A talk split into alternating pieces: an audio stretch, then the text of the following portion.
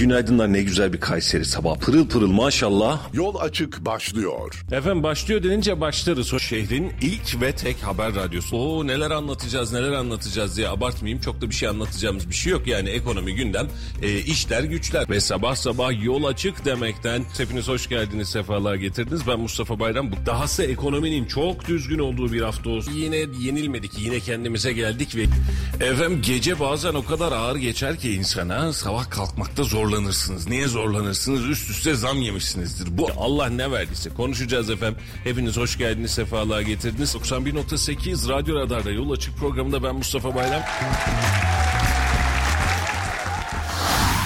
Radyo Radar yol açık başlıyor.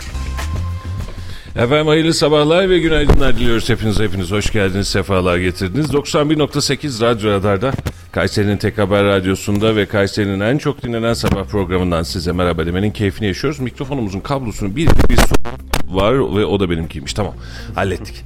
Günaydın Ali'cim nasılsın? Günaydın, iyiyim. Hayırlı sabahlar. Siz nasılsınız Mustafa Bey? Çok teşekkür ediyorum sağ olasın kardeşim. İyi olmaya Geç çalışıyorum. uyumama rağmen uykumu aldım diyebilirim. Bu memlekette ne kadar iyi olunursa o kadar iyiyiz işte. Mis gibi. Uzun zaman sonra böyle bir tedirginlik olmadan, e, bir artçı deprem yaşamadan uyuyabildik. Uyku bölünmeden ne mutlu, hamdolsun.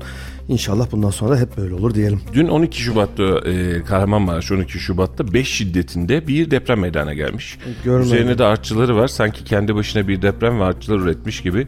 E, orijinal deprem miydi Ahmet Bey yoksa haricen artçının artçısı mı gidiyor? Çünkü 5'ten sonra 4 4 nokta küsur olarak da devam etmiş. Sabah kalkınca baktım hissettiğim için değil ama Yok ben hissetmedim. İnşallah Rabbim esirgesin. hissettirmesin de diye. Hissettirmesin evet. Efendim? Artçı olarak kabul ediyorlar.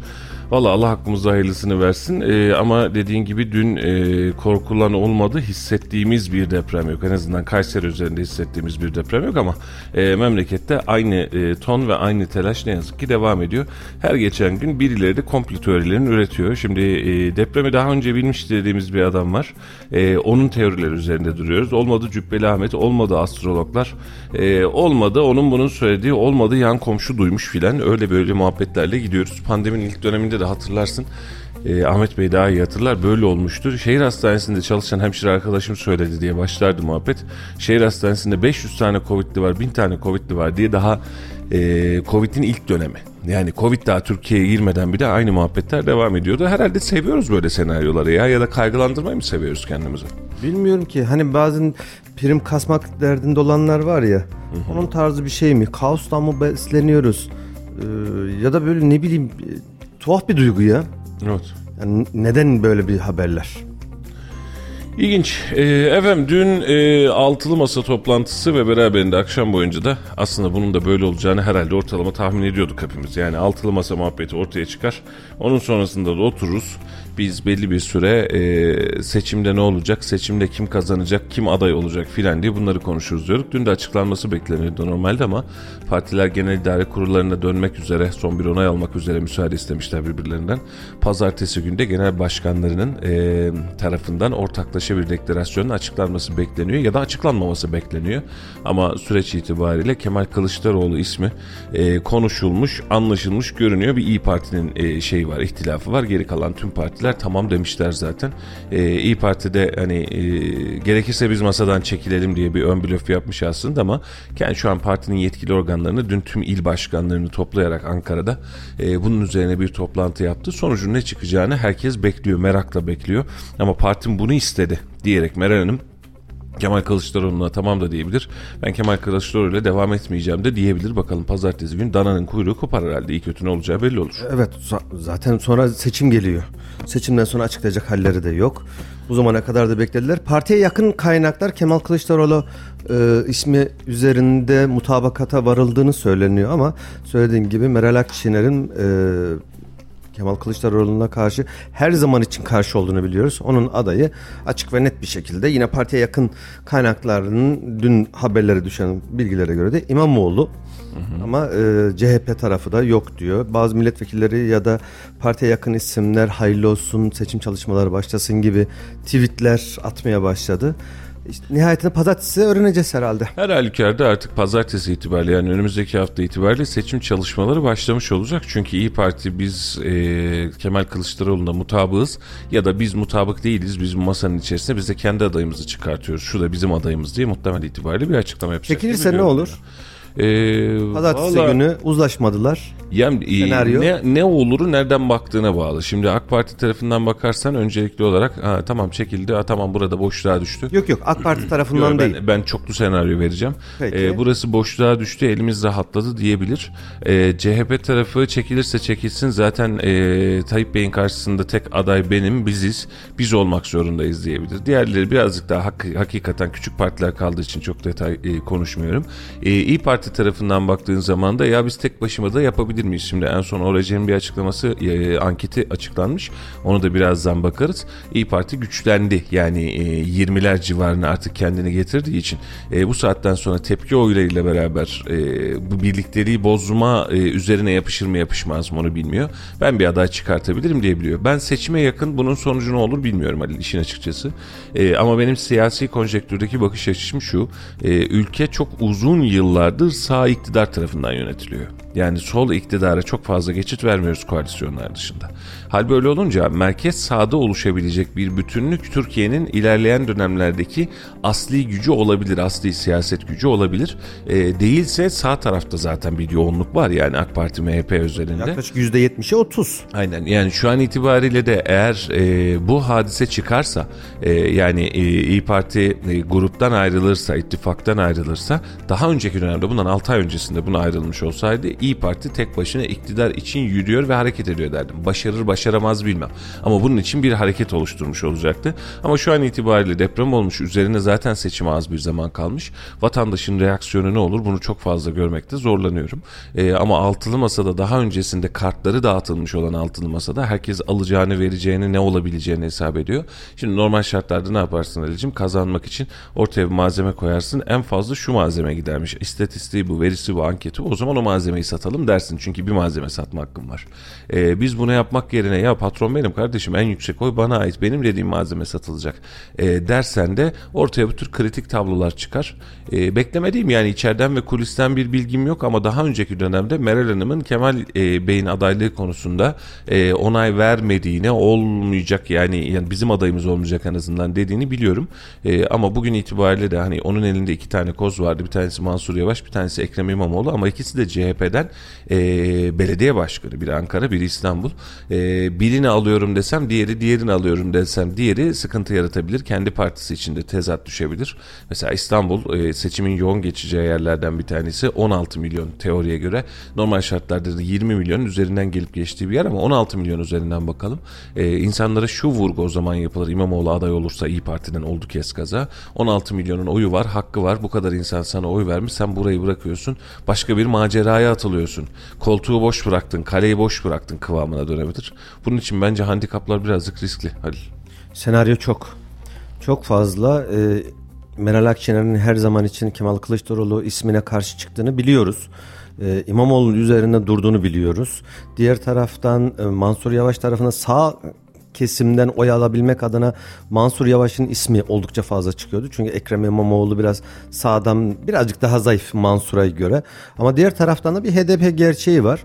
Ee, HDP özelinde de CHP'nin HDP'nin kapalı kapıları ardında e, görüşmelerini bizzat kendileri açıklıyorlar. Ee, söyledikleri var. Milletvekilleri işte CHP'li vekillerin ya da üst düzey kurmaylarının bir araya geldiği iki partinin işte görünürde yapmayın ama arka planda destekleyin açıklamaları var HDP'li milletvekillerinin. Evet. Ee, İyi Parti'nin de buna karşı çıktığını da biliyoruz. HDP'nin olacağı ya da böyle açıktan veya gizliden böyle bir destek vereceği yapıya karşı çıktığını da biliyoruz. Yani senaryo çok ama eğer ki e, bu koalisyon dağılır, altılı masa dağılır, İyi Parti çıkar, belki İmamoğlu istifa eder, e, İyi Parti belki Memleket Partisi yanına bir, bir iki partiyi daha alıp ayrıca bir e, aday çıkarırsa ne olur? Yani ikinci, üçüncü, dördüncü senaryoların tamamı sanki AK Parti'ye yarar işine gelir gibi geliyor bana. Sen ne dersin? Vallahi bilmiyorum. Ee, şey süreç birazcık kargaşa. Pazartesi günü netliği gelsin. Kalan senaryoyla işin üzerine gitmek Evet. daha rahat. Ee, ama şu bir aşikar bu masa e, zaten Kemal Kılıçdaroğlu olacak mı olmayacak mı hengamesiyle bugüne kadar geldi. Masanın uzamasındaki en önemli sebeplerden bir tanesi bu. Ee, haklı olan sebepler var. Kendilerince haksız olunan sebepler var. Saygı duyarız. Siyaset bu işin içerisinde. Biz şimdi hep şöyle bakıyoruz Halil. Ee, Anadolu siyasetinden baktığımızda geçen günde arkadaşlar altılı masanın adayı kim olur, kim olsun diyordu.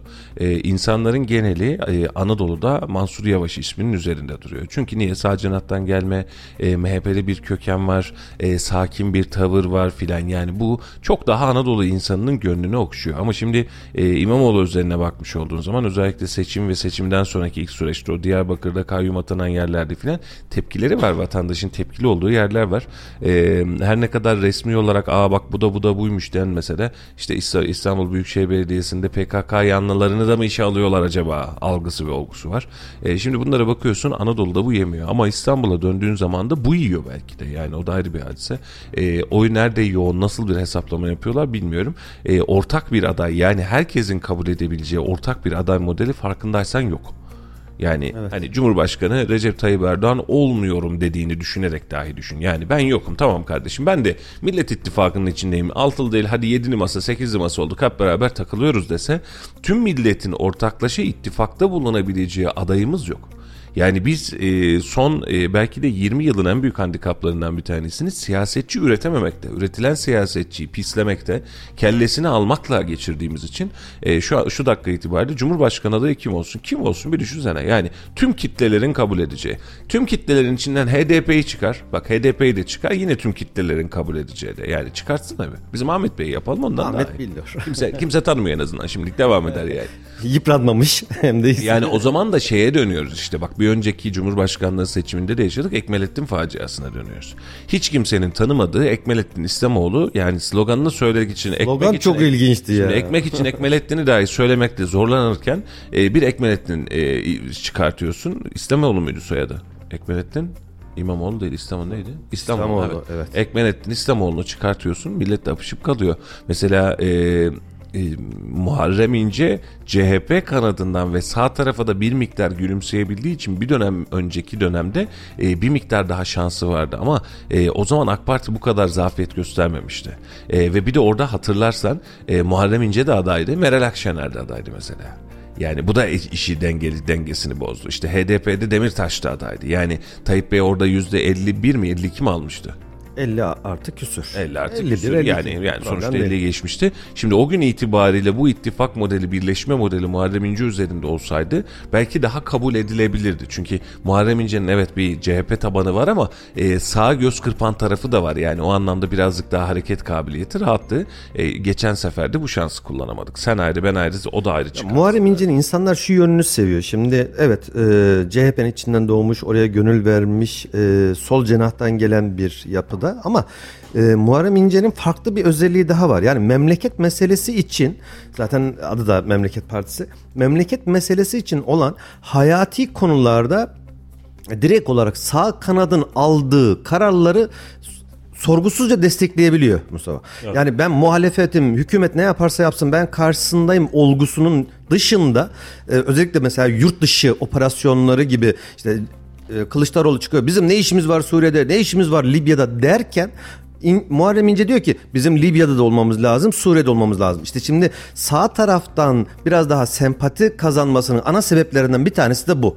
Milli savunma konusunda CHP'li milletvekilleri İHA'yı, SİHA'ları, S-400'leri inanılmaz bir şekilde eleştirirken Muharrem İnce diyor ki hayır bunların olması lazım diyor.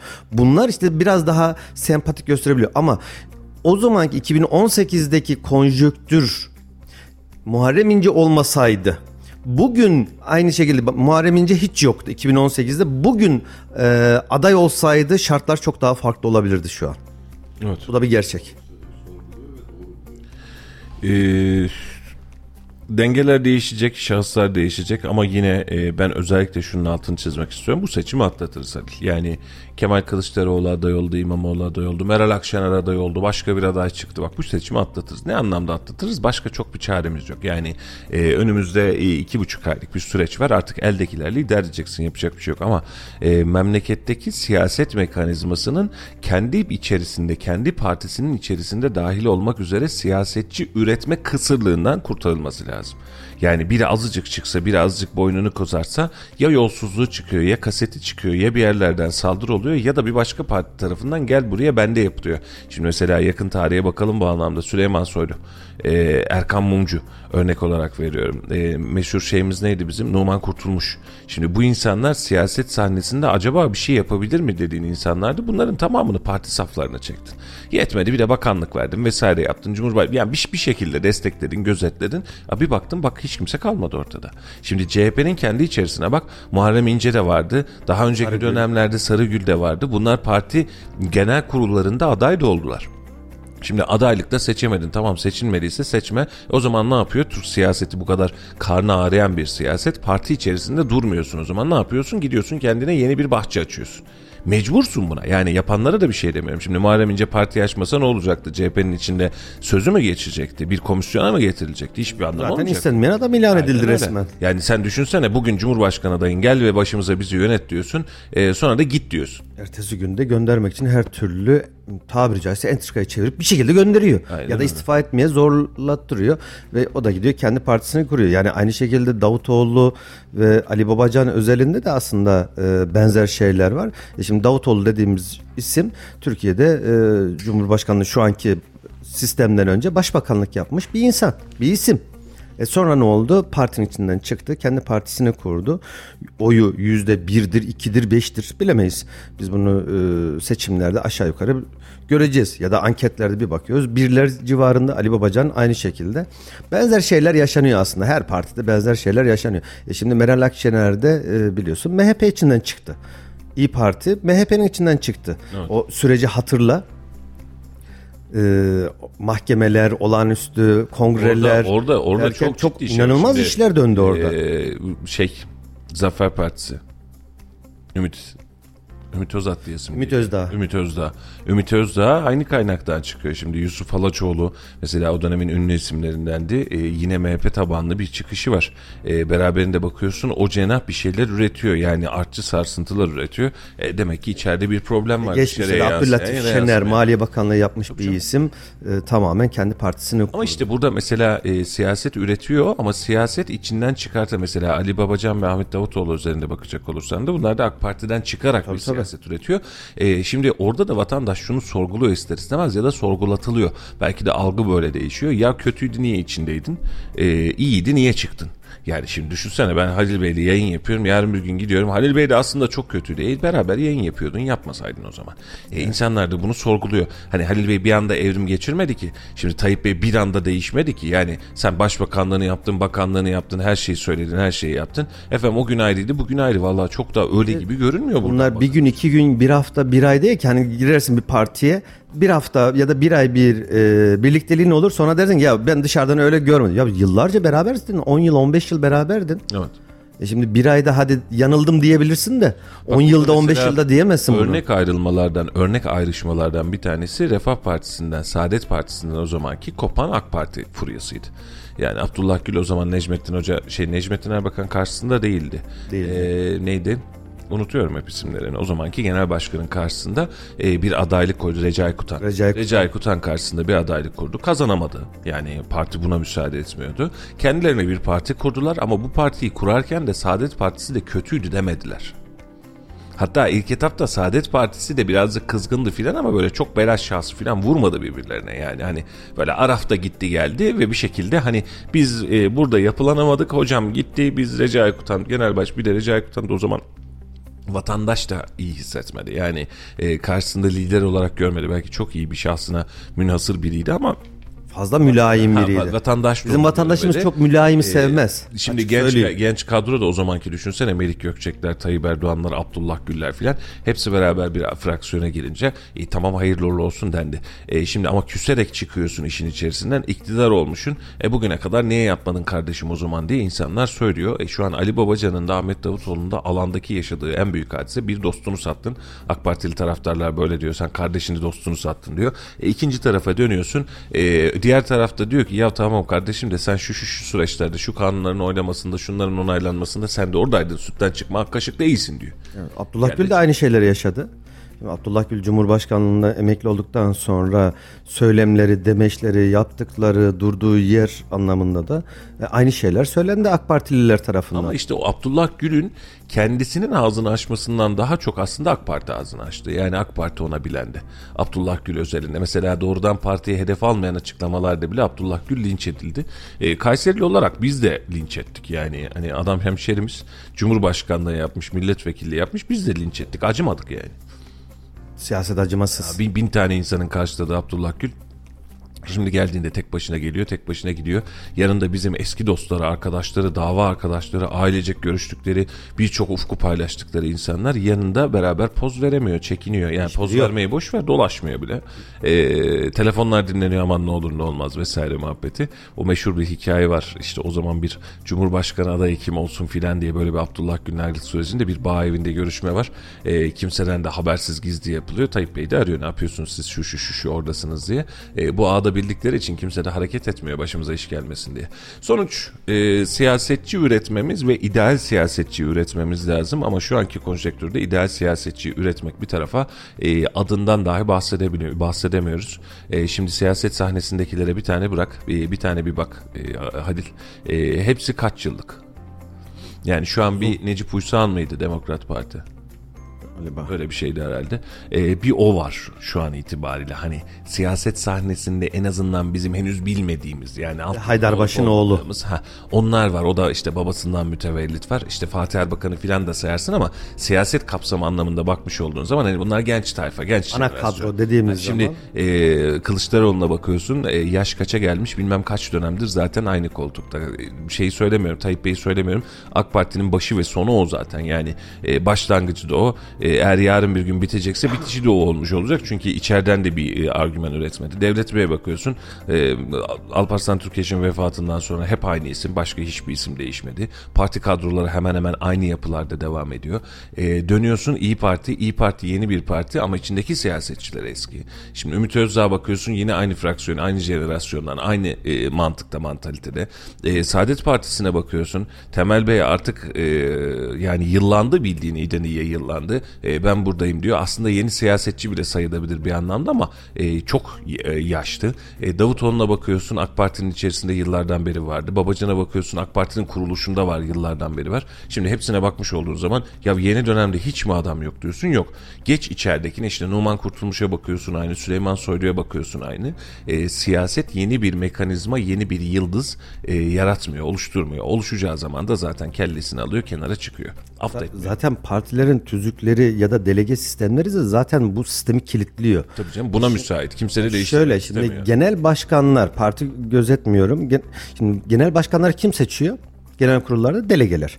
Delegeleri kim seçiyor? Genel başkanlar. Öyle bir kısır döngü ki. Yani ben e, beni seçecek kişileri ben Ben seçiyorum. halkı seçiyorum, halk beni seçiyor. Yani gibi. E şimdi bunun adına da biz demokrasi diyoruz. Aslında e, çok da işleyiş anlamında yok. Bizim demokrasi dediğimiz sadece gidip de sandığa bizim önümüze koydukları 3-5 kişiden hangisini seçersin diye bir dayatma. Biz bunun adına da demokrasi diyoruz ama için işleyişine baktığımız zaman bizim oy vereceğimiz kişiler de kendilerini oraya getiren kişileri seçen kişiler. Öyle bir kısır döngü ki çık işin içinden çıkabilirsen. Evet. Şimdi eee, bir başka hadise mesela yerel siyasette de aynısını yaşıyorsun. Şimdi yerel siyasetin tonlarına bir bak. Yerel siyasette de bu liste döneminde bir kez daha milletvekilleri listesinde belki değişeceğiz, dönüşeceğiz, göreceğiz ama eee, en genç jenerasyon şu an itibariyle İsmail Özdemir, Baki Ersoy, Dursun Ataş genç jenerasyondan kastettiğim de şu e, vekillik süreleri uzamamış en azından ikinci dönemi birinci dönemi diye bakacağımız insanlar. E, terse bakıyorsun Dursun Ataş e, daha önceki dönemde belediye başkanı tamam milletvekilliğine geçti Büyükşehir Belediye Başkanı oldu. Bir dönem daha milletvekili devam etti orada duruyor. Şimdi Baki Ersoy eski il başkanıydı oradan vekillik böyle genç insanlar bir de Baki Ersoy Allah var hani hakikaten hakkını yemeyelim kamuoyu üzerinde ben buradayım baskısı yarattı. E, şeye dönüyorsun İsmail Özdemir tamam o da gençlerden hatta parti genel başkan yardımcısı yani bu anlamda da hmm, filan diyorsun. O da birazcık halktan kopuk çok Ankara tabanlı çalışıyor. Şimdi AK Parti listelerine bakmış olduğun zaman zaten e, yeni dediğimiz yeni gördüğümüz dediğimiz isimlerden bir performans alamadık. E, mesela Hülya Nergis Hatçı hangi performans aldık gerçekten tereddütlü. İsmail Emrah Karayel insanlarını severim yani içindeki bulmuş olduğu duruşu severim ama alanda ne kadar var hmm, mı acaba diyorsun. Şimdi Taner Yıldız yıllardan beri var. İsmail Temel yıllardan beri var. Özteseki yıllardan beri var. Mustafa Elitaş yıllardan beri var. Yani partinin kurucu il başkanlarından bir tanesi Mustafa Mustafa Elitaş. Yani düşün. Yani 20 yıldır burada. Hani şimdi bugün itibariyle diyorlar ki ya efendim biz olmasak da olur diyorlar. Ee, yarın efendim e, Tayyip Bey sizi görmek istiyor ya da düşünür müsünüz dediğinde en başta da onlar atılacaklar işte. Yani hepsinin şu an her seçim öncesi aynı edebiyat var. İstemem yan cebime koy. Değiştik mi? Hayır değiştirmedik. E dönüyorsun. Büyükşehir Belediye Başkanlığındaki Memduh Bey e, Rabbim hayırlı uzun ömürler versin ama yaş geldi. Yani milletvekilliği yaptık. Daha sonrasında Melik Gazi Belediye Başkanlığı yaptık. 3 dönem mi 4 dönem mi ne denk geldi? Ondan sonra hadi bakalım bir Büyükşehir Belediye Başkanlığı. E, şimdi Memduh Büyükkılıç'a sorarsanız 2024 yerel seçimlerinde yeniden aday olmak istiyor musunuz? O zaten şimdiden muhtemelen söylüyoruz ben adayım diye ben bir dönem daha yapmak istiyorum diye o milletvekilliği konuşmalarında hani vekil olur musunuz buraya geçer misiniz dendiğinde aynı hadiseyi söylüyordu. E, nasıl baş edelim? Yeni siyasetçi üretmemişin, yeni fikir üretmemişin, yeni bir süreç üretmemişin, yeni bir söylem üretmemişin. Siyaset kendi içerisinde kendi e, canavar yani canavarı kendi besledi ve canavar kendi kendini yiyor. Aslında bu söylediğin tüm partiler için geçerli tabii değil mi? Tabii. Her parti içinde biraz böyle hani genç diyebileceğimiz bak CHP tarafında da Kayseri özelinde düşün. E, o seçim il başkanlığı seçiminde söylemek. neler oldu? Şimdi e, onu, orada da onu da söyleyeyim CHP'ye es geçmiş olmuyor kusura bakmasınlar. Çetin Erdoğan 3. dönemi. Yani Çetin Bey'e sorarsam ben bir dönem daha iki dönem daha burada durayım der. Yani tablo bu. Şimdi e, Emre kardeşim de yazmış yeniden Refah Partisi Genel Başkanı Fatih. Kesinlikle yani Fatih Erbakan genç ve bu anlamda süreci e, söylemleri olan bir e, genel başkan ki o büyük kongrede de biz zaten orada bu Fatih, e, Fatih Erbakan'ın konuşmalarını size aktarmıştık. Halil Bey ile beraber alandaydık canlı yayında da verdik. Lakin oradaki sıkıntımız da şu Fatih Erbakan da parti içerisindeki organizasyonunu yapıp Türkiye'ye nüfuz edemedi. Bir altyapı var. Refah Partisi geleneğinden gelen bir altyapı var ama beraberinde bir organizasyon da istiyor organizasyon konusunda sanki orada eksik kaldık. Yani şu an itibariyle bırakın anketleri. Yani anketlere inanmıyoruz diyor. Hemen birileri bir şey olduğu zaman ya anketler de yok öyle olmuyor. Yani bir ankete inanmasan öbüründen çıkıyor. Acaba burada bir şey çıkacak mı diye düşünüyorsun. E, anketlerde yoksun. E, demek ki bir yerlerde eksik var. Şu dakika itibariyle de yani uzun dönem bu konuşuldu biliyorsunuz. E, acaba şey yapsak mı? Sen söyle. E, adını unutuyorum. Bu gitti aklımdan tamamen. Ee, yani yerel teşkilatlanmalar konusunda yeniden Refah Partisi Fatih Erbakan'ı birebir özelimizde de tanıyoruz. Evet. Oldukça fazla e, sohbetlerimiz de oldu. Ta Anket, vakıf e, Erbakan Vakfı zamanındayken de canlı yayınları aldık. Benim birebir e, çok fazla sohbetim de var. Muhteşem ötesi bir insan. Şahsi görüşüm. Evet. Ama liderlik vasıfları, kitleleri arkasından koşturacak bir vasıflar konusunda ve yerel yönetimleri, kendi parti içerisindeki yerel yönetimler konusunda biraz eksik.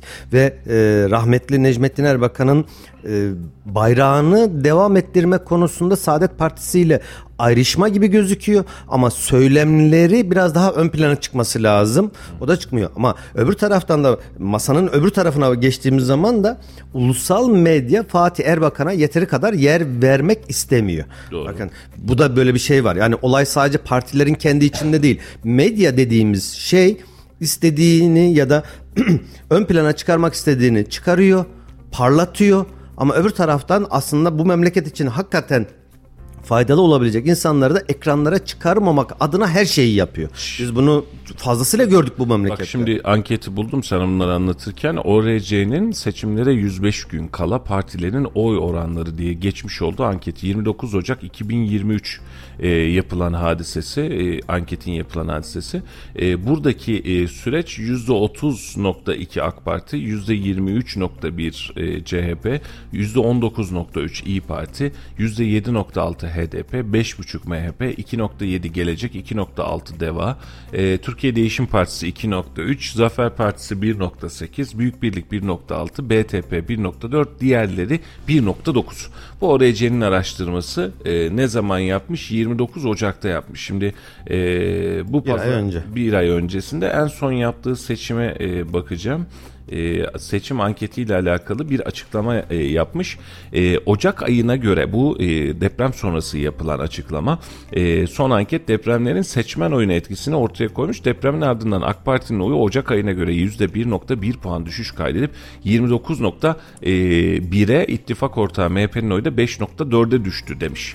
E, bu da e, sonradan yaptığı deprem sonrasında yapmış olduğu Şubat ayında yapmış olduğu anketlerde e, şu an itibariyle 29.1 23.5 CHP e, 19.5 İyi Parti 8.1 HDP 5.4'te e, MHP olarak görünüyor. Şu an yani eldeki son veri bu. Yani son veri derken bir araştırma firmasının son verisi. Şimdi burada da vatandaş şöyle bakıyor. Diyor ki ya ne alakası var olur mu öyle şey filan diyor kendilerince. Tamam. Şimdi aynı firma diyor ki Konya özelinde bakarsak diyor mesela sen şimdi Kayseri üzerinde bakıyorsun mesela Ayşe doğru mu? Ya da Konya üzerinde Anadolu üzerinde bak diyor ki Konya üzerinde de bakarsan AK Parti şu an 41.4 diyor.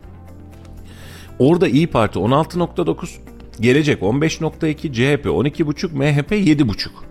HDP orada 2.5, DEVA 1.8, diğerleri 2.2 diyor. 1670 kişiyle yapmış 20-25 Ocak arasında. Yani şimdi malzemeye bakarken vatandaş bulunduğu şehir itibariyle bakıyor. Diyor ki yok ya bu kadar da değildir diyor. Hangi partiden bakarsa baksın. Ama tüm illerin e, mekanizması da ruhu da bu anlamda farklı. Bunun için birazcık daha veri bana gerçeği yansıtıyor. İl il de veriyor bana. Anladın mı Ali? Yani şimdi Türkiye genelinde 30 olur mu kardeşim arıyorsun. Konya genelinde 41 e, ya o da biraz az mı? No- Normal mi filan diyorsun. Yani tablo bu şu an itibariyle. Ama tabii seçime girdiğinde, seçime yaklaştığın gün itibariyle tabloya çıkar bilmiyorum. Mesela şu Konya özelinin Türkiye özeli olduğunu düşün Halil. Konya özelinin Türkiye özelinin olduğunu düşün. Dört parti var Konya'da meclise girecek. Bak Türkiye özeli düşünürsen Gelecek Partisi niye Ahmet Davutoğlu Konyalı? Buranın bir etkisi var. 15.2 e, Gelecek Partisi almış. 16.9 İyi Parti almış. 12.5 CHP almış. Bu üç parti zaten hani e, 16-17'nin altında. E, geri kalanı zaten şu e, tabloyu eğer Türkiye genel hatta MHP de çıkıyor oradan %7,5'la şu e, tabloyu şeye açarsan Türkiye genelini açarsan toplamda e, %50'yi neredeyse buluyorsun. Sen sağ ben selamet. Anladın mı? Vekillik sayısında da buluyorsun. Sen sağ ben selamet. Ama Türkiye geneline dönünce e, burada ba- başka bir e, sıkıntıya doğru gidiyor iş. Şimdi tabii ORC ne kadar güvenilir işte sorgulayacaksak bunu sorgulamamız lazım. ORC ne tarafa doğru yakın? Ya Acı- şimdi. ORC'nin e, ben hep ORC'yi konuşuyorum Halil. E, tanımıyorum. Bak e, derinlemesine bir araştırma yaptım diyemem. Ne olur yanlış anlama. Bir önceki seçimde de en yakın bilen piyasa ortalamasında da en yakına gelen şeylerden bir tanesi. Anketlerden bir tanesi. Hani şu yapmamış. Mesela ben bir önceki seçimdeki fizibiliteye bakıyorum. Mesela bir önceki seçimde CHP'yi %48 çıkaran adam var. Yani ben bu tutup bunun anketine bakmam bir daha. Doğru mu?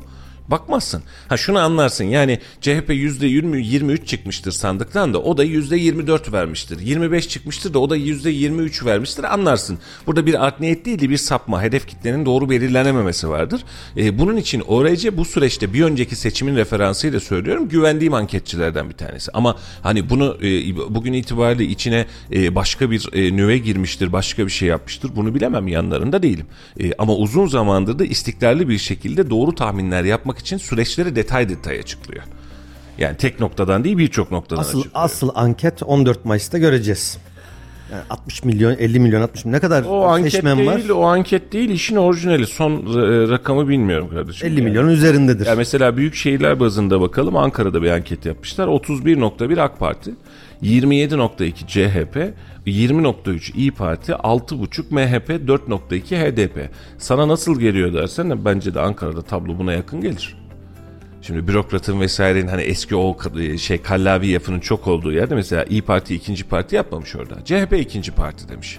Şimdi şu matematiğe baktığımda bana mantıklı geliyor anladın mı? Hani ha buradaki 31 değildir de 33'tür, 27 değildir de 25'tir bunu bilemem. Yani o onların tercihi. Burada da ne yapmış? 2680 kişi üzerinde yapmış Ankara'da anketi. İhtimal mi? İhtimal. Ya mesela Rize'ye bak. e, bu da son olsun. E, Rize neresi? AK Parti'nin kalesi tabii ki. Tayyip Bey'in memleketi. Şimdi bir bakıyorsun 47.3 AK Parti. 26.4 CHP, 13.7 İyi Parti, MHP 5.3, Gelecek 2.1, Deva 1.5. Yani işte bak bu şu mantıkta yani sana anlatmaya çalıştığım hadise. Bu mantık birazcık daha kendine aa evet ben buradayım diye toparlıyor.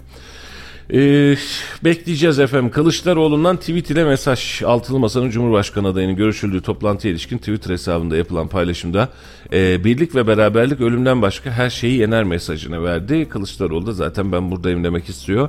E, o birlik ve beraberlik mesajıyla hadi bakalım biz bu işi yapabiliriz. Beni de Cumhurbaşkanı yapın diyor. E, Meral Hanım'ın çok heveslendiğini düşünmüyorum ama sonuçta oturacağız hep beraber göreceğiz artık. Muhtemelen pazartesi itibariyle durumu göreceğiz. Ee, OHAL kapsamındaki ilan edilen bölgelerle alakalı siyasetten birazcık kopalım. Ee, burada birkaç yeni karar ver, verilmiş. Ee, deprem bölgesinde ikamet eden e, üniversite öğrencilerinin bahar dönemi katkı paylarını devlet ödeyecekmiş. Katkı payını ödemiş öğrenciler üniversiteler paralarını iade edecekmiş. Dernekler tüzüklerindeki kuruluş amacı ve çalışma koşullarına bakılmaksızın depreme ilişkin faaliyette bulunabilecek. Yabancı sivil toplum kuruluşları da faaliyet izleme faaliyet konusuna bakılmaksızın depremle ilgili çalışma yapabilecekmiş.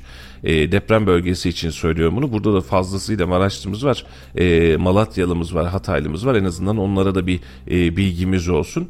Türkiye'de faaliyet izni olmayan ancak OHAL ilan edilen illerde faaliyette bulunmak isteyen yabancı sivil toplum kuruluşlarına İçişleri Bakanlığı OHAL süresince izin verecek.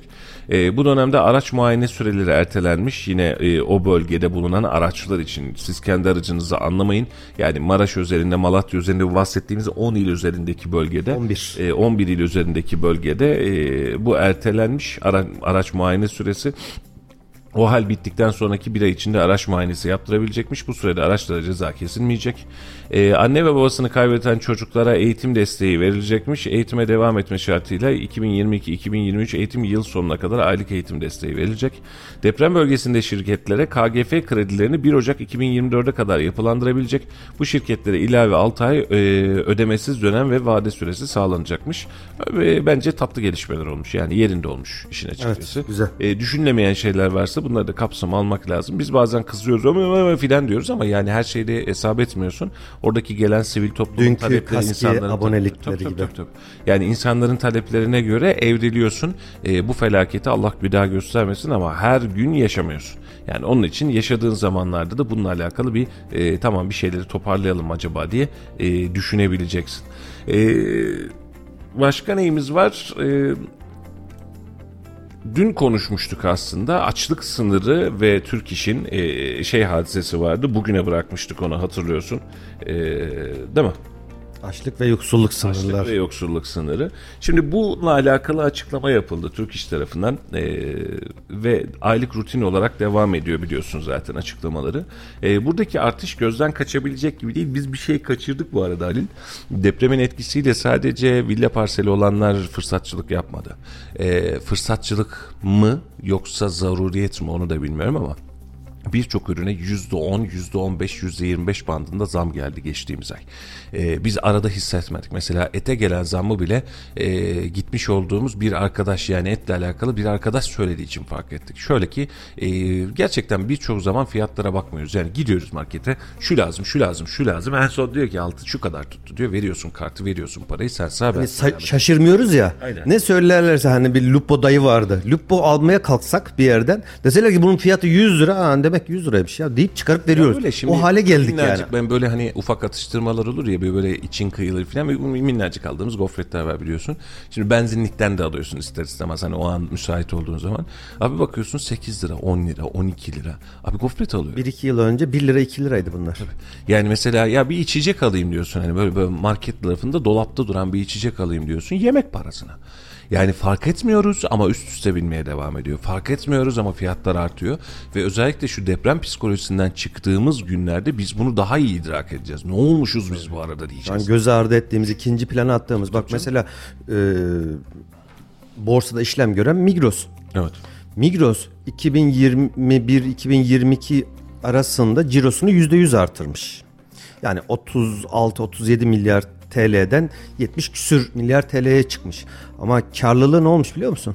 %600 net karı. Oh. Şimdi aradaki fark nedir? Senin ciron iki katına çıkıyor ama karlılığın yüzde 600 gibi bir rakam. Bak bunu ben söylemiyorum. Borsada işlem geliyor. Borsaya açık girin bakın. Yüzde 600. Peki bu yüzde 600 Kapa, nereden geliyor? Kapa bildiriyor mali verilerini. Tabii ki olarak. resmi kendilerin bildirdiği resmi rakamlar.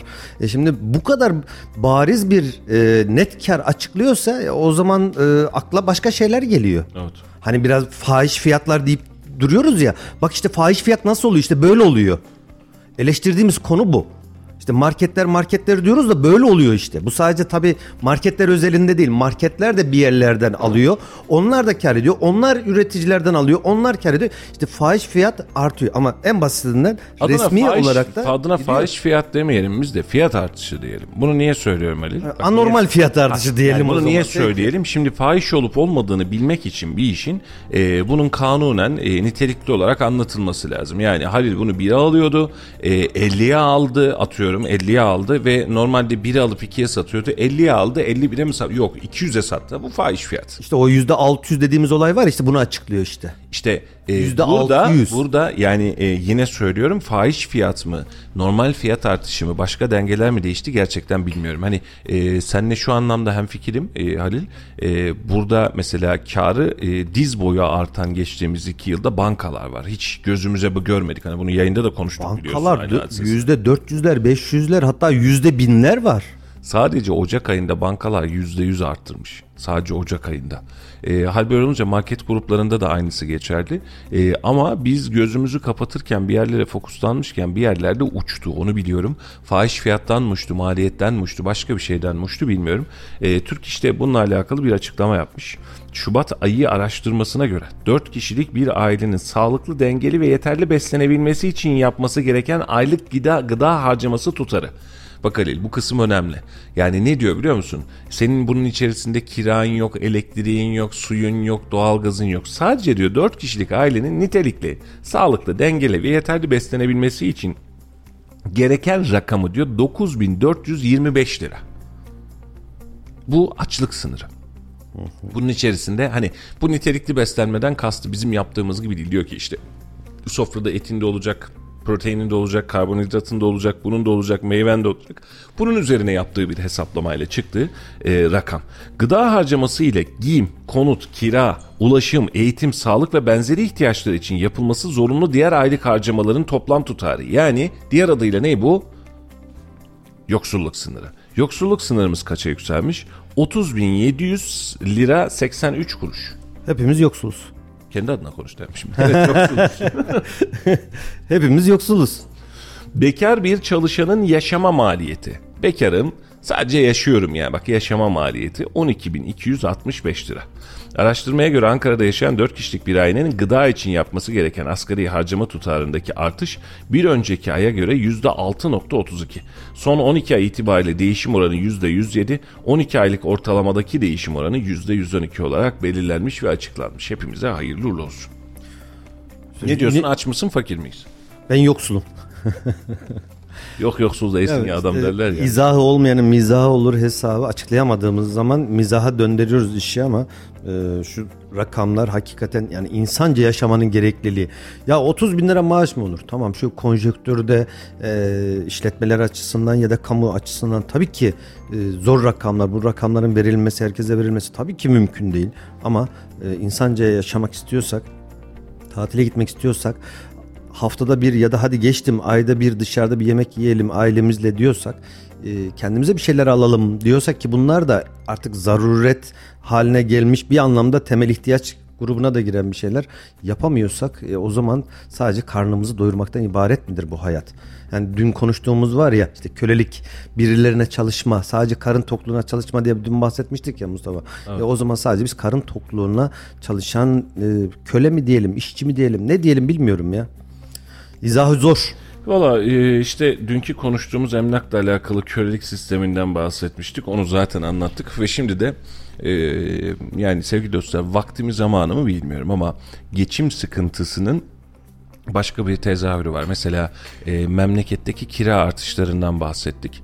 E, şu an itibariyle bir kez daha birazdan da hatta bakalım memlekette neredeyse kiralık ev yok. Hele hele böyle deprem korkusu olanlar için tasarlanabilecek daha aşağı katlarda daha tek katlı vesaire bakıyorsan hiçbir şey kalmadı. Eskisi bile kalmadı. E, şimdi e, buradan şuna geleceğim. E, yaşanabilir bir aile için yaşanabilir ortalama kullanılabilir bir ev kirası şu an Kayseri'de 4000, 5000, 6000'ler seviyesine geldi. Peki e, 8500 lira maaş alan burası bir memur kenti filan değil. Nasıl çıkacak işin içerisinden? Çıkamaz. Mümkün mü? En az yarısını veriyor. Hadi yarısı diyelim bak 4250 diyelim yarısını veriyor.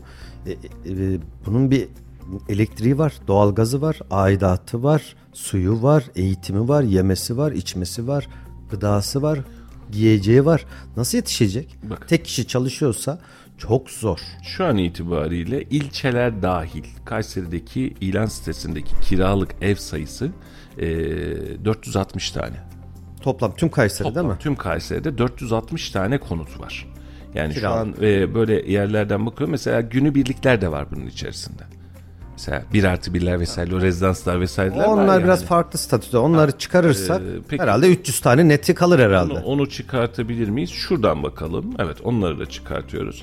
Rezidansları da çıkartıyorum. Sadece daireler. Yani villa, çiftlik evi falan diyor. Var mıymış öyle villa milla muhabbeti? Var var. 14 50, tane. 50 bin liraya kirası var. Aylık 50 bin TL'ye villalar var. Meraktayım ona da bak. Aylık 50 bin lira. Girin bakın. Şimdi 8-10 tane var ya. daire fiyatı daire itibariyle bakıyorum Halil'cim. Ee, Kayseri'de kiralık daire 313 adet. Evet işte biraz önce söyledim. Bunlardan bir tanesi Develi'de. Bünyan'da var 2000 liraymış. galiba. Oraya mı yerleşsek acaba? Bünyan'da var. Mesela e, Bünyan'da da kaç taneymiş? 6 ilan varmış herhalde. E, İncesu'da var bir ilan şu an itibariyle. E, bunun dışındakilerin tamamı burada. Merkez. Mesela diyor ki İldem'de eşyalı kiralık daire. Ne Eşyalı niçin? Depremzede geliyor vesaire. Şu dönem öğrenci gelmeyeceğine göre okullar tatil zaten. Yani e, üniversitede öğrenim yok. 7500 TL. Aylık 7500 lira.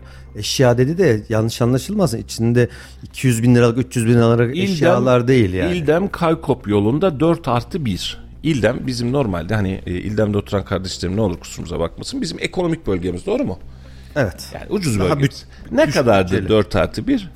7 bin Bilmiyorum lira. 8-10 bin liradan aşağı değildir. Ne kadar? 7 bin lira. 7 bin lira. Eşyalı mı? E, yok eşyasız. Eşya da koysa 10 bin lira diyecek. Mesela şehir hastanesi karşısında eşyalık kiralık daire 6 bin lira. Şimdi vatandaş diyecek ki neredeymiş biz de bulalım filan diyecekti. Ucuz gelirmiş millete. Ee, yani şimdi fiyatlara... Sarı sayfalarda var. Mimar Sinan'da bahçeli evlerdeki eve eşyasız 5000 lira istemişiz Halil. Mimar Sinan bahçeli evler 3 artı 1 4250 lira. Şimdi bu, yine söylüyorum bu yani kimse yanlış anlamasın bu bölgeler şey bölgeler. Ekonomik bölgeler. Ekonomik bölgeler. Diye bildiğimiz yerler. Şehir hastanesi karşısı 2 artı bir 100 metrekarelik yer 4500 lira. Ee, Biraz da şehir merkezine doğru Yıldırım Beyazıt Köşk Gültepe dersek. Korkuyorum ya. Korkuyorum. Mesela e, 60 bir tanesi. Köşk Mahallesi 3 artı bir daire 96 bin lira. Yıllıktır. Yıllık. Aylığı 80 bin lira mı? Şey 8 bin lira özür 80 dilerim. bin lira mı diyor? Aylık 8 bin lira. Ee, evet mesela beraberinde hemen bir başka ilanda 8 bin lira aylık kira. Ee, köşkte de oturmayın diyecekler ama yapacak bir şey yok. Yani insanlar bir şekilde bir yerlerde oturmaya çalışıyor. Ee, 6 bin lira e, eski binalarda da var burada. Ee, Yıldırım Beyazıt 4200 lira iyiymiş bak bu tutulabilirmiş. Bak diğerlerini görünce otomatik olarak moda giriyorsun. 4250 iyiymiş diyoruz. Aynen öyle. Şu an Talas'ta da şöyle bir kaba, kaba taslak bakıyorum. E, 4000, 5000, 6000, 6500, 7500 şu an itibariyle harita görünümünden bakarak söylüyorum. Yani kira fiyatlarını kaba itibariyle söyleyeceğim. Kolay kolay 4000 liranın altında bir yer bulamıyorsun. Hadi ben şöyle bir müstakil villa tarzı yere çıkayım dediğin zaman da 40-50 bin lira. Aynen öyle. Aylık. Ya mesela e, adam şey yapmış. Bak ne kadar güzel ya. Bak takdir ettim. Gerçekten takdir ettim. E, villa kategorisine bakıyorum. Senin kategori Halil'cim. 10 bin liraya villa var. Aa çok güzel. Nerede? Süksün. Vallahi şaka yapmıyorum. Ankara yolunda değil mi? Süksün dediğimiz yer. İnce su süksün ya. Karsu Tekstil'in karşı tarafı değil mi? Yok. Yok. Orada Süksün diye geçiyor ama dönünce de geçiyor. Bakalım. Yani villamız da şuymuş Ali'cim. Bu tekstilciler sitesi mi acaba burası? Neresi? Terzi, terziler sitesi Terziler mi? Öyle Terziler bir şey vardı. sitesi. Herhalde orası. Aylık 10 bin liraya kiraya veriyorlar. Oradaki şeyler Şeyden de önce evler de 1700, 1800, 1900 şu an. Fiyatları Deprem, satın depremden alma önce fiyatı. 700'e alırdın. Tabii canım bir ay iki ay öncesinde 700-800 bin liraya Allah Allah diyorlardı. Şimdi 1.800'e yallah yallah diyorlar. Şimdi bakıyorsun Becen Kızıltepe. 6 aylık kirası peşin alınmak kaydıyla 18.500 Aa lira. ucuzmuş. Sobalı Kayseri Oyma Ağaç'ta 3 aile rahat oturabilir var diyor yerimiz diyor 19 bin lira. Hisarcık'ta yıllık peşin eşyalı e, aylık 22 bin lira ne yapıyor yıllık peşinin?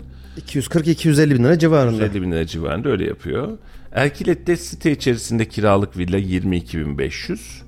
Ee, iyiymiş ya fiyatlar. Mesela paraşüt pisti arkasındaki işletmelere kiralıkmış bu 50 bin lira. Çay bağlarında 8 artı 1 50 bin lira. Talas'ta 6 odalı müthiş manzaralı taş konak 50 bin lira. Çay bağlarında e, ticari villa nasıl bir şeymiş bu? Ha şu meşhur yer bu bildiğimiz. Evet, meşhur 42 yer. bin lira. Dün kimse yüzüne bakmıyordu. E, efendim gücünüz yiyorsa e, şey pardon Yetiyor. yetiyorsa yani çok özür diliyorum ama hakikaten şirazesini kaçırdılar işin. Yani Bizi de dil sürçmesinin e, sebebiyet veriyor artık bu fiyatlar. Biz de ne diyeceğimizi şaşırıyoruz. Vallahi dilimizin nereye döneceğini şaşırdık. Adam çiftlik evi diye yer yapmış. Ee, sobalı, 3 oda, 4 odalı. Ee, nerede burası da? Ee, Saraycık'ta yine maşallah Allah kolaylık versin. 12.500 lira. İnce su Yani Saraycık. öyle 3 oda dediğin yer de şey değil öyle e, e, akıllarda 150-180 metrekare gibi bir şey olmaz. 3 oda dediği ya, yer de bağ evi 80-90 metrekare küçücük e, küçücük bir yer işte. Bağ evi gibi bir yer. Ee, Valla e, işte tablo bu. Şimdi biz bunun sonrasında da diyoruz ki vatandaşa Halil e, 8500 lira iyi para diyoruz. Sonra işte o 4000 liralar 5000 lira bu rakamları görünce aa ucuzmuş diyoruz bak biraz önce. Aynen öyle. Müstakil ev demiş ya. İnce su hamurcu. 2 artı 1. 42.900 lira. Yıllıktır ya o. Yıllık yıllık. Yıllık mı? Köyde. Ha, köyde. Argıncık'ta varmış Ali 1500 lira. Valla senin bak oralar. Yabancılık çekmezsin. Çekmem. Kiralık diyor. Ahırlı yüksek kat ev diyor. Talas'ın köyünde. O bile 2450 lira demiş. Ee, şimdi e, sevgili dostlar yani şu 1500, 1500 lira dedi Talat Paşa. Talat Paşa'da ha, bu işte yani. Ben biliyorum o Yani evi. Ona göre biliyorum o evi. ben mi diyorum kiraya falan diye. Bak Talas'ta Kamber mahallesinde böyle bir ev varmış. Bildiğin ahırlı hakikaten yani hiç şaka yok. Sıcak olur. Ee, Altta büyükbaş beslerseniz İşte, üstteki ev e, doğal alt- altın ahırında durumu bu bak bu şunda gör bir fotoğrafı. Ee, ahırlı ev varmış 2450 lira. Yani bir vatandaş e, eskaza yanlışlıkla maaşın üzerine 5-8 bin lira yok zam e, şey yaptım borçlandım filan dediyse zaten burada yaşaması gerekiyor. Kesinlikle. Başka yerde yaşama ihtimali yok. Yine dün üzerinde bir hayli durduk ama çok kısa bir şekilde artık eleştiriden öneriye doğru geçelim Mustafa. Yok Ee, ya öneriyi ben öneri e, şu- Halil ben şimdi dün e, sen söyledin ya ben de şimdi çok kısa dinledim akşamki yayın tekrarını çok uzun dinleyemedim. E, biz bir şeyleri zorluyoruz öneri vermeye anlatmaya filan. Dün yayından çıktığımda senin de benim de telefonlarımız susmadı. Dostlarımız sağ olsunlar işleri güçleri rast gelsin. E, birazcık moral de veriyorlar bize. Yani durduğumuz yerin doğruluğuyla alakalı da bize güç veriyorlar sağ olsunlar. Yani bunu mm, çok özür diliyorum dinleyip de karınsızlıkla değil. Yani evet siz bunu söylüyorsunuz. Şu anlamlarda da yanlış olabilirsiniz ama doğru bildiğiniz noktadan devam edin. Desteğimiz de madden manen yani bunu daha iyi durduk dün biliyorsun. Hani kimseden de biz Allah'a çok şükür bugüne kadar bize de destek olun diye bir şey konuşmadık. Ha, o da ayrı bir hadise. Yani reklam aldık, reklam verdik, ticari olarak işimizi yaptık. Rabbim inşallah o güne düşünmesin ama böyle dostlarım, böyle kardeşlerim, böyle abilerim varlığı ki o kadar fazla telefon geldi ki gerçekten bize yetiyor. Ee, bizim e, çok şükür hamdolsun biliyoruz ki doğru iş yaptığımızı Rabbimin de bunu gördüğünü biliyoruz ama biraz önceki söylediğim bunun tavsiyeler kısmına geldiğimizde şunu şunu yapın dediğimiz kısma geldiğimizde bizi dinleyen belediye başkanları dahil olmak üzere kulaklarını kapatmayı tercih ediyorlar. Çünkü hadise memleketteki istifa müessesinin yaşanması gibi. Yani e, inisiyatif almıyor kimse. Yukarıdan ses gelirse diyor. Dün bir arkadaş şöyle soruyor. Nasıl olacak diyor. Nasıl olacak? Yukarıdan ses gelirse olacak. Mesela basit bir şey. E, dün bizim e, Mahmut Bey yazdı. Mahmut Şahin dedi ki ya çevre şehircilik herhalde geceydi yani gece saat 12-1 civarıydı. Çevre şehircilik dedi normal hani ihbar edilen gel benim binamı kontrol et denilen binalara gidiyor. Diğerlerine gitmiyormuş dedi. Doğru daha ona da yetişemedik. Ne yapmak lazım? belediye tarafından e, ya da çevre şehircilik tarafından genel tarama ve acil durum ilan edilmesi lazım. Yani tamam kardeşim biz kendi taramamızı yapacağız. Bunun için de bir şeye gerek gereği yok aslında. Belediye basit taramayla da bunu yapabilir. Hadi bakalım biz bunu yapacağız ya. Yani bunu yapmamız lazım diyebilir. Kim giriyor bu topa? Hiç kimse girmiyor. Neredeyiz? Adı belli değil işin. Bir taraftan aynı oto eksperler olduğu gibi artık inşaatlarda da eksperler e, böyle yeni bir sektör diyebiliriz ve gitgide de büyüyecek olan bir sektörden bahsediyoruz. Özel sektörde binaları e, siz müracaat ediyorsunuz belediye değil özel bir şirkete müracaat ediyorsunuz ki kendileri laboratuvar aynı zamanda karot analizleri dahi yapabiliyor. Bunlar geliyorlar siz müracaat ediyorsunuz e, karar alıyorsunuz çağırıyorsunuz inşaatınızı her bir katı dahil olmak üzere bak. Güzel bir şey bu. Sadece girip de temellerine ya da ana taşıyıcı kolonlara bakıp da iyiymiş kötüymüş demiyorlar. Her bir katın statiğine kadar raporlarını da alıyorlar. Teknik analizlerini yapıyorlar. Diyorlar ki mesela ya 5 kata kadar gayet güzel 5. kattan sonra şöyle olmuş diye ayrıntılı size rapor veriyorlar ve e, Kayseri'de ne kadar bilmiyorum. Bunun tabii ki bir bedel karşılığı yapıyorlar. Şu an İstanbul'da bina bazında yani 10 katlı 12 katlı e, ya da 9 katlı bina binalar için ortalama fiyat böyle bir bilgi de vereyim. Dün okudum bunu. Ortalama fiyatlar 30 bin 40 bin TL'ler civarında. Yani siz bina olarak toplanıyorsunuz. Kaç daire var? 30 daire, 50 daire. Müracaat ediyorsunuz ayrıntılı bir şekilde. Aynı nasıl bir oto ekspere götürüyorsunuz. Arabanın her tarafına bakıyorlar. Binanın son katına kadar her bir yeri tabiri caizse didik didik edip analizler yapıyorlar. Karot analizlerinde yapıyorlar ve size bir rapor sunuyorlar. Bunun karşılığı da ortalama 30 bin liralar civarında. Ha, büyük rakam mı? Bence değil. Şimdi bir kişi kişi ödeyecekse 30 bin lira çok da.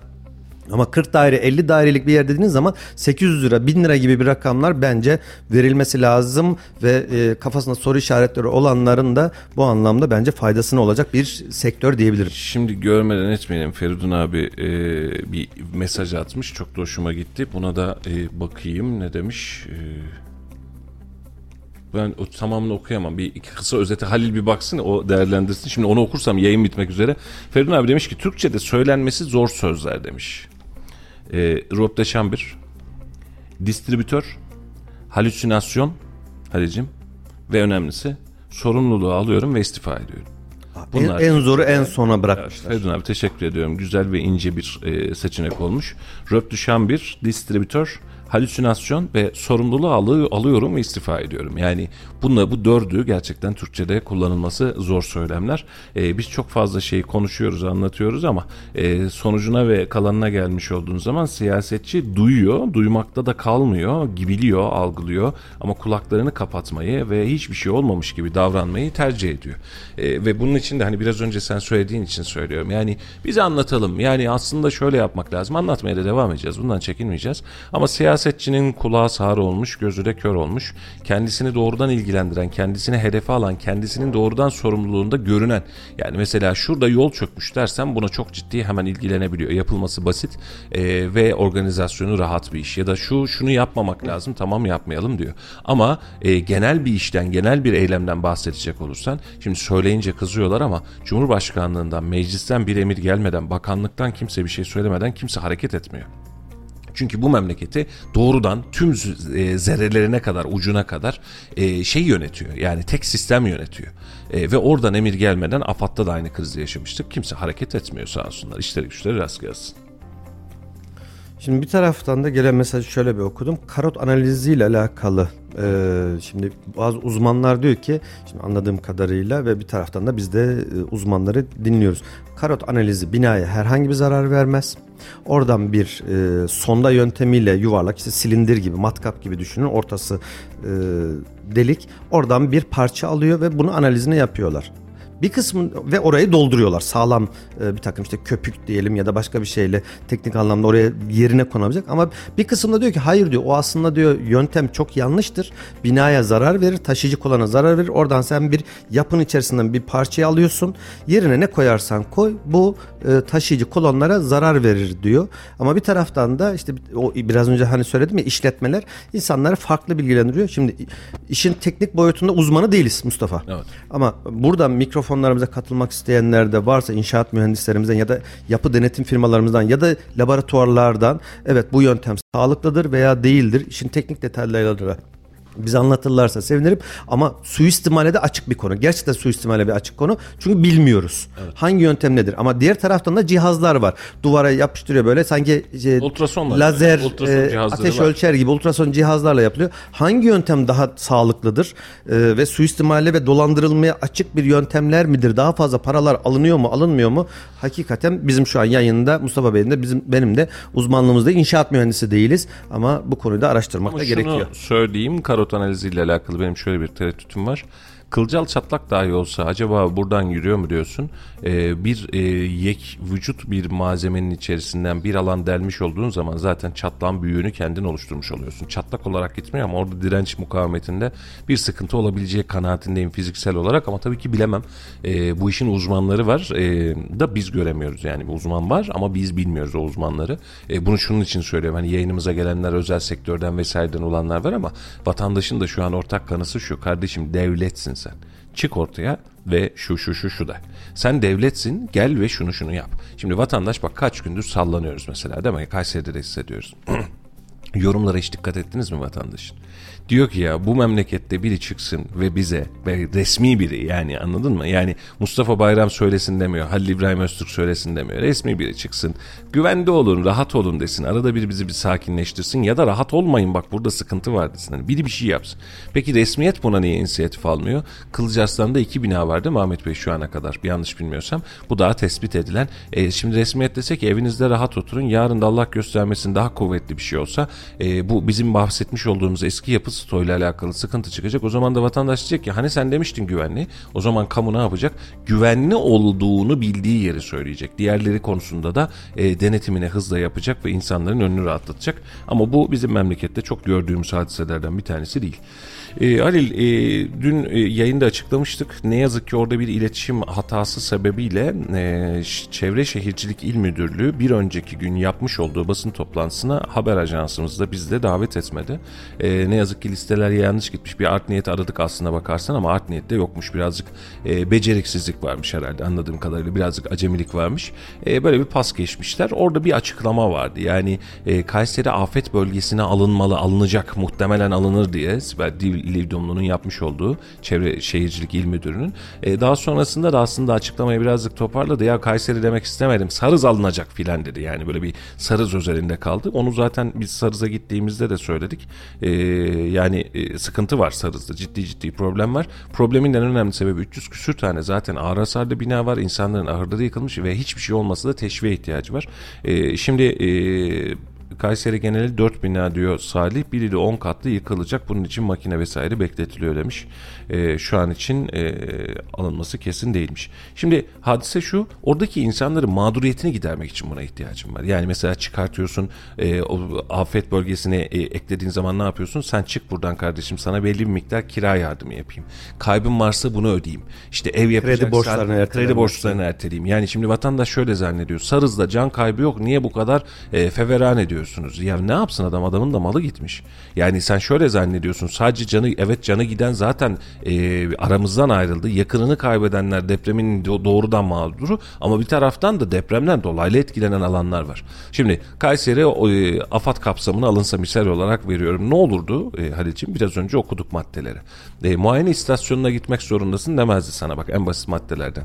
Öğrencilerimiz Kayseri'deki öğrencilerimiz ya acaba harcı nasıl yatıracağım demezdi. Esnafımız neyse krediye bir 6 ay öteleme getirmişler ben bir 6 ay rahat nefes alayım derdi. Ne kaybederiz? Hiçbir şey kaybetmeyiz. Ama Kayseri'nin içinde çok gerekli mi? Değil ama Sarız evet, kesinlikle. Yani şimdi en azından oraya al. Yani biz Kayseri üzerinde bir şey istemiyorum ama en azından oraya al. Yani de ki bak burada bir sıkıntı var vatandaş da rahat etsin. Yani sen şimdi evden çıkmışsın evin başına yıkılmış bir yere gidiyorsun. Abi kirayı ya ver en azından adam kiraya otursun. Hani bir şey yapsın. Yani e, işte yerini yapacak en azından sen ona bir destek olmuş ol. E, bunları hesaba katmıyoruz. Sadece şey zannediyoruz yani e, işte afet kaplama olunca kapsama olunca çadır gidecek, konteyner gidecek diyoruz. Kazın ayağı çok fazla öyle değil. Sokağa FM e, bunu sormuş arkadaşlar. Kayseri afet bölgesi kapsamına alınmalı mı demiş. Sokakla da sizi baş başa bırakacağız. Haftanın da sonuna geldik. E, yeni haftada yeni yayınlarla bir araya geleceğiz efendim. Önümüzdeki hafta itibariyle özellikle e, Millet İttifakı'nın adayının belli olması olmasından sonra seçim takviminde işliyor olacak. Belki siyaseti daha fazla konuşacağız. Belki arada konuklar alarak da size ulaştırmaya çalışacağız.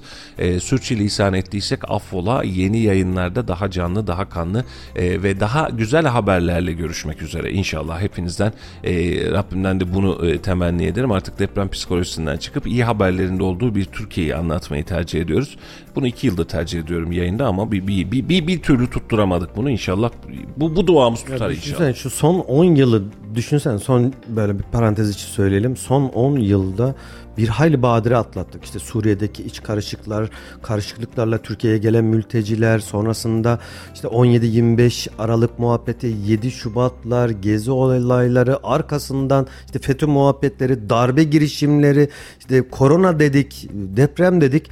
Şu son 10 yılda belki 100 yılda Suriye- yaşanacakları. Suriye'de savaş yaşadık, Kıbrıs'ta gerginlik yaşadık, Ermenistan e, muhabbetimiz var, onu yaşadık. o kadar Ukrayna çok ki savaşı. Libya ya operasyonlar yani bir 100-150 yılda yaşanabilecek ne kadar ne varsa Allah korusun tabi de şu son 10 yılda belki de yaşamış olduk. Meşhur kötü bir, sosyal medyada var ya doğduğun gün şu oldu bu oldu diye.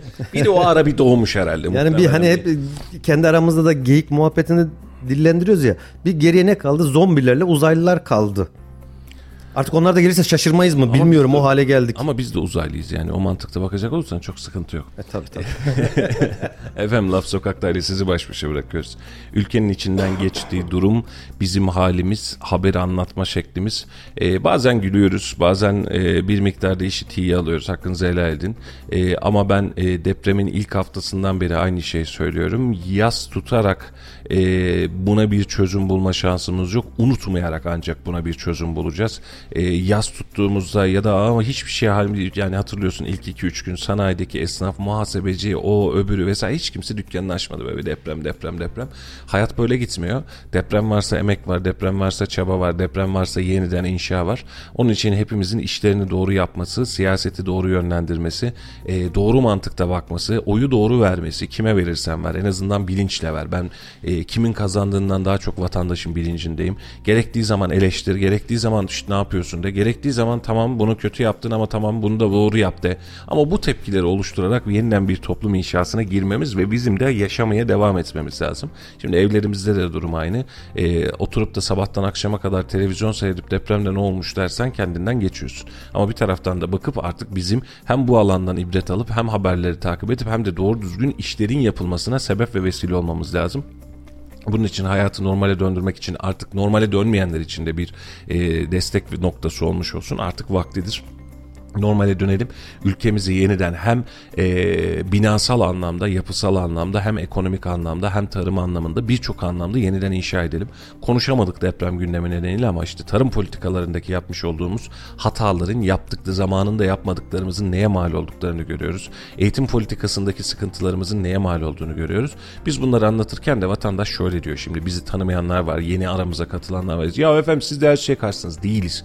Biz doğru yapılan işe doğru diyoruz. Yani bak ne kadar güzel olmuş diyoruz. Alınan karar bak bu yerinde olmuş diyoruz ama yanlış bir şey varsa da göz göre göre de bir felaket geliyorsa da aman canım boş ver diyebilecek kadar rahat değiliz. Biz çünkü taraf değiliz.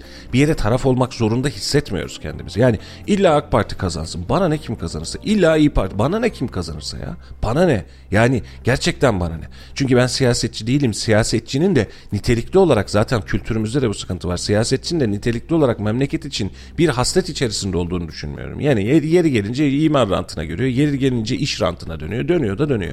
Biz milletçe eğer buna ayılmaz ve uyanmazsak, bunu konuşamazsak yarın bir gün 3 tane daha parti değiştir, 5 tane daha siyasetçi değiştir. Doğru mu Halil? Ahmet'i gönder, Mehmet'i getir, Mehmet'i gönder, Ayşe'ye getir. Fark eden bir şey yok. Aynı yere döneceğiz. Sadece isimler değişir. Bunun için de tüm çabamız e, sizi doğru bilgilendirmeye çalışmak, doğruya doğru demeye devam etmek.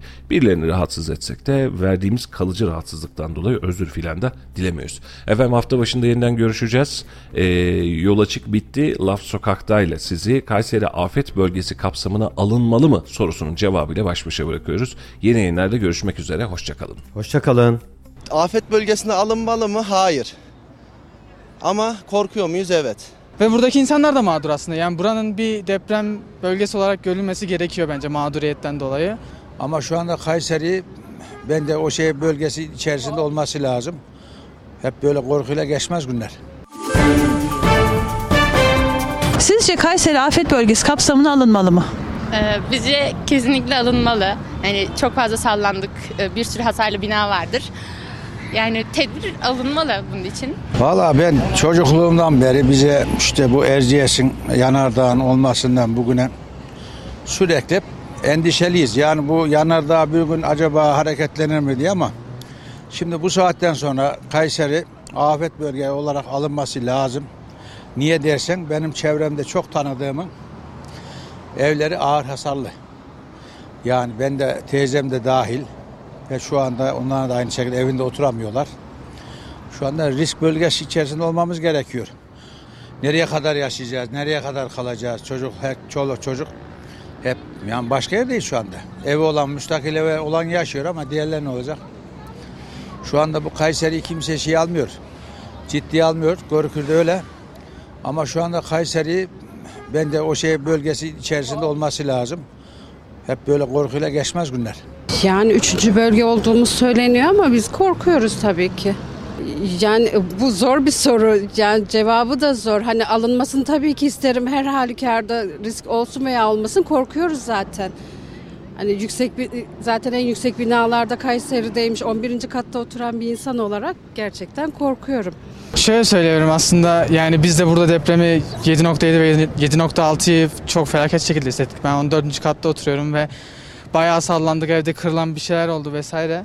Artı hasarlı binalar var ve ben bu şehrin e, deprem bölgesi olması gerektiğini düşünüyorum ama yani hükümet tarafından maalesef ki görülmüyor veya diğer yetkili birimler tarafından maalesef ki görülmüyor. E, yani buraya da bir sürü insan getirdiler. Yurtlarda kalan bir sürü Kahramanmaraşlı kardeşlerimiz falan bir sürü insan var.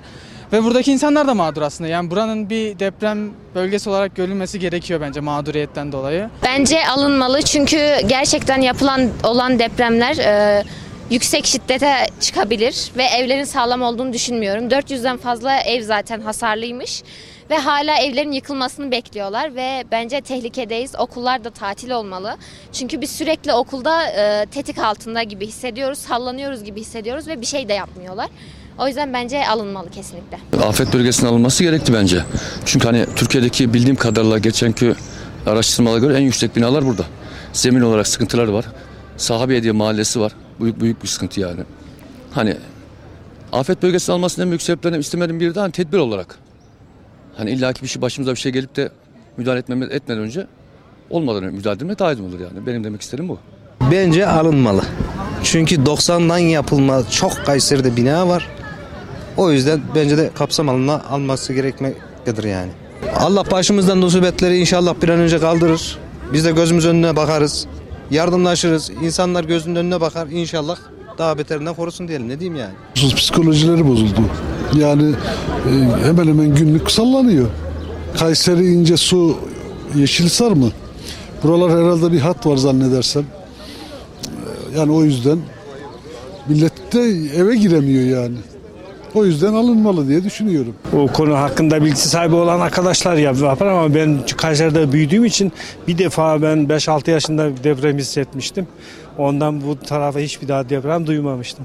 Veyahut Kayseri'nin deprem bölgesi olduğunu bilmiyorum. Tabii ki alınmalı. Neden? Çünkü burası sallanıyor ve e, bir yan evlerde de çatlaklar var. alınmalı. Hem binaların e, yapısı gereği e, kullanılan malzemeler olsun ben de inşaatta da çalıştım. Dayanıklı değil. E, betonlara kaydırıcı atıyorlar özellikle. O da betonun kalitesini bozuyor. Bir. İki e, ince suda olan depremleri biliyorsunuz. Yani üst üste beşik gibi bir saat 45 dakika boyunca 5 defa sallandık. Ha, fazla yüksek değil ama bence alınmalı. Büyük sallantı var mı? Yok. Ama en ufak sallantıda insan canından korkuyor. Çünkü binalarımıza güvenemiyor. Güvenemiyoruz. Müteahhitlerimiz çalıyor. İnsanımız çalıyor. Yani Japonya'da 7-8 şiddetinde bir deprem olduğunda insanlar normal hayatına devam edebiliyorlar. Ama bizde 4 şiddetinde bir deprem olduğunda ben kafayı yiyorum. Yani afet bölgesine alınmalı mı? Hayır. Ama korkuyor muyuz? Evet. Çünkü bunlar öyle büyük depremler değil. Ama insan şüphe ediyor yani. Ee, bence Kayserimiz de afet bölgesine alınmalı çünkü gerçekten hani Kayseri sürekli sallantı halinde ve e, hani binalarda da gerçekten çok e, yıkık dökük binalar var, ağır hasarlı binalar var. Bence bunun için önlem alınması gerekiyor gerçekten. Çünkü hani Kayseri'de büyük bir depremi kaldıramayabilir.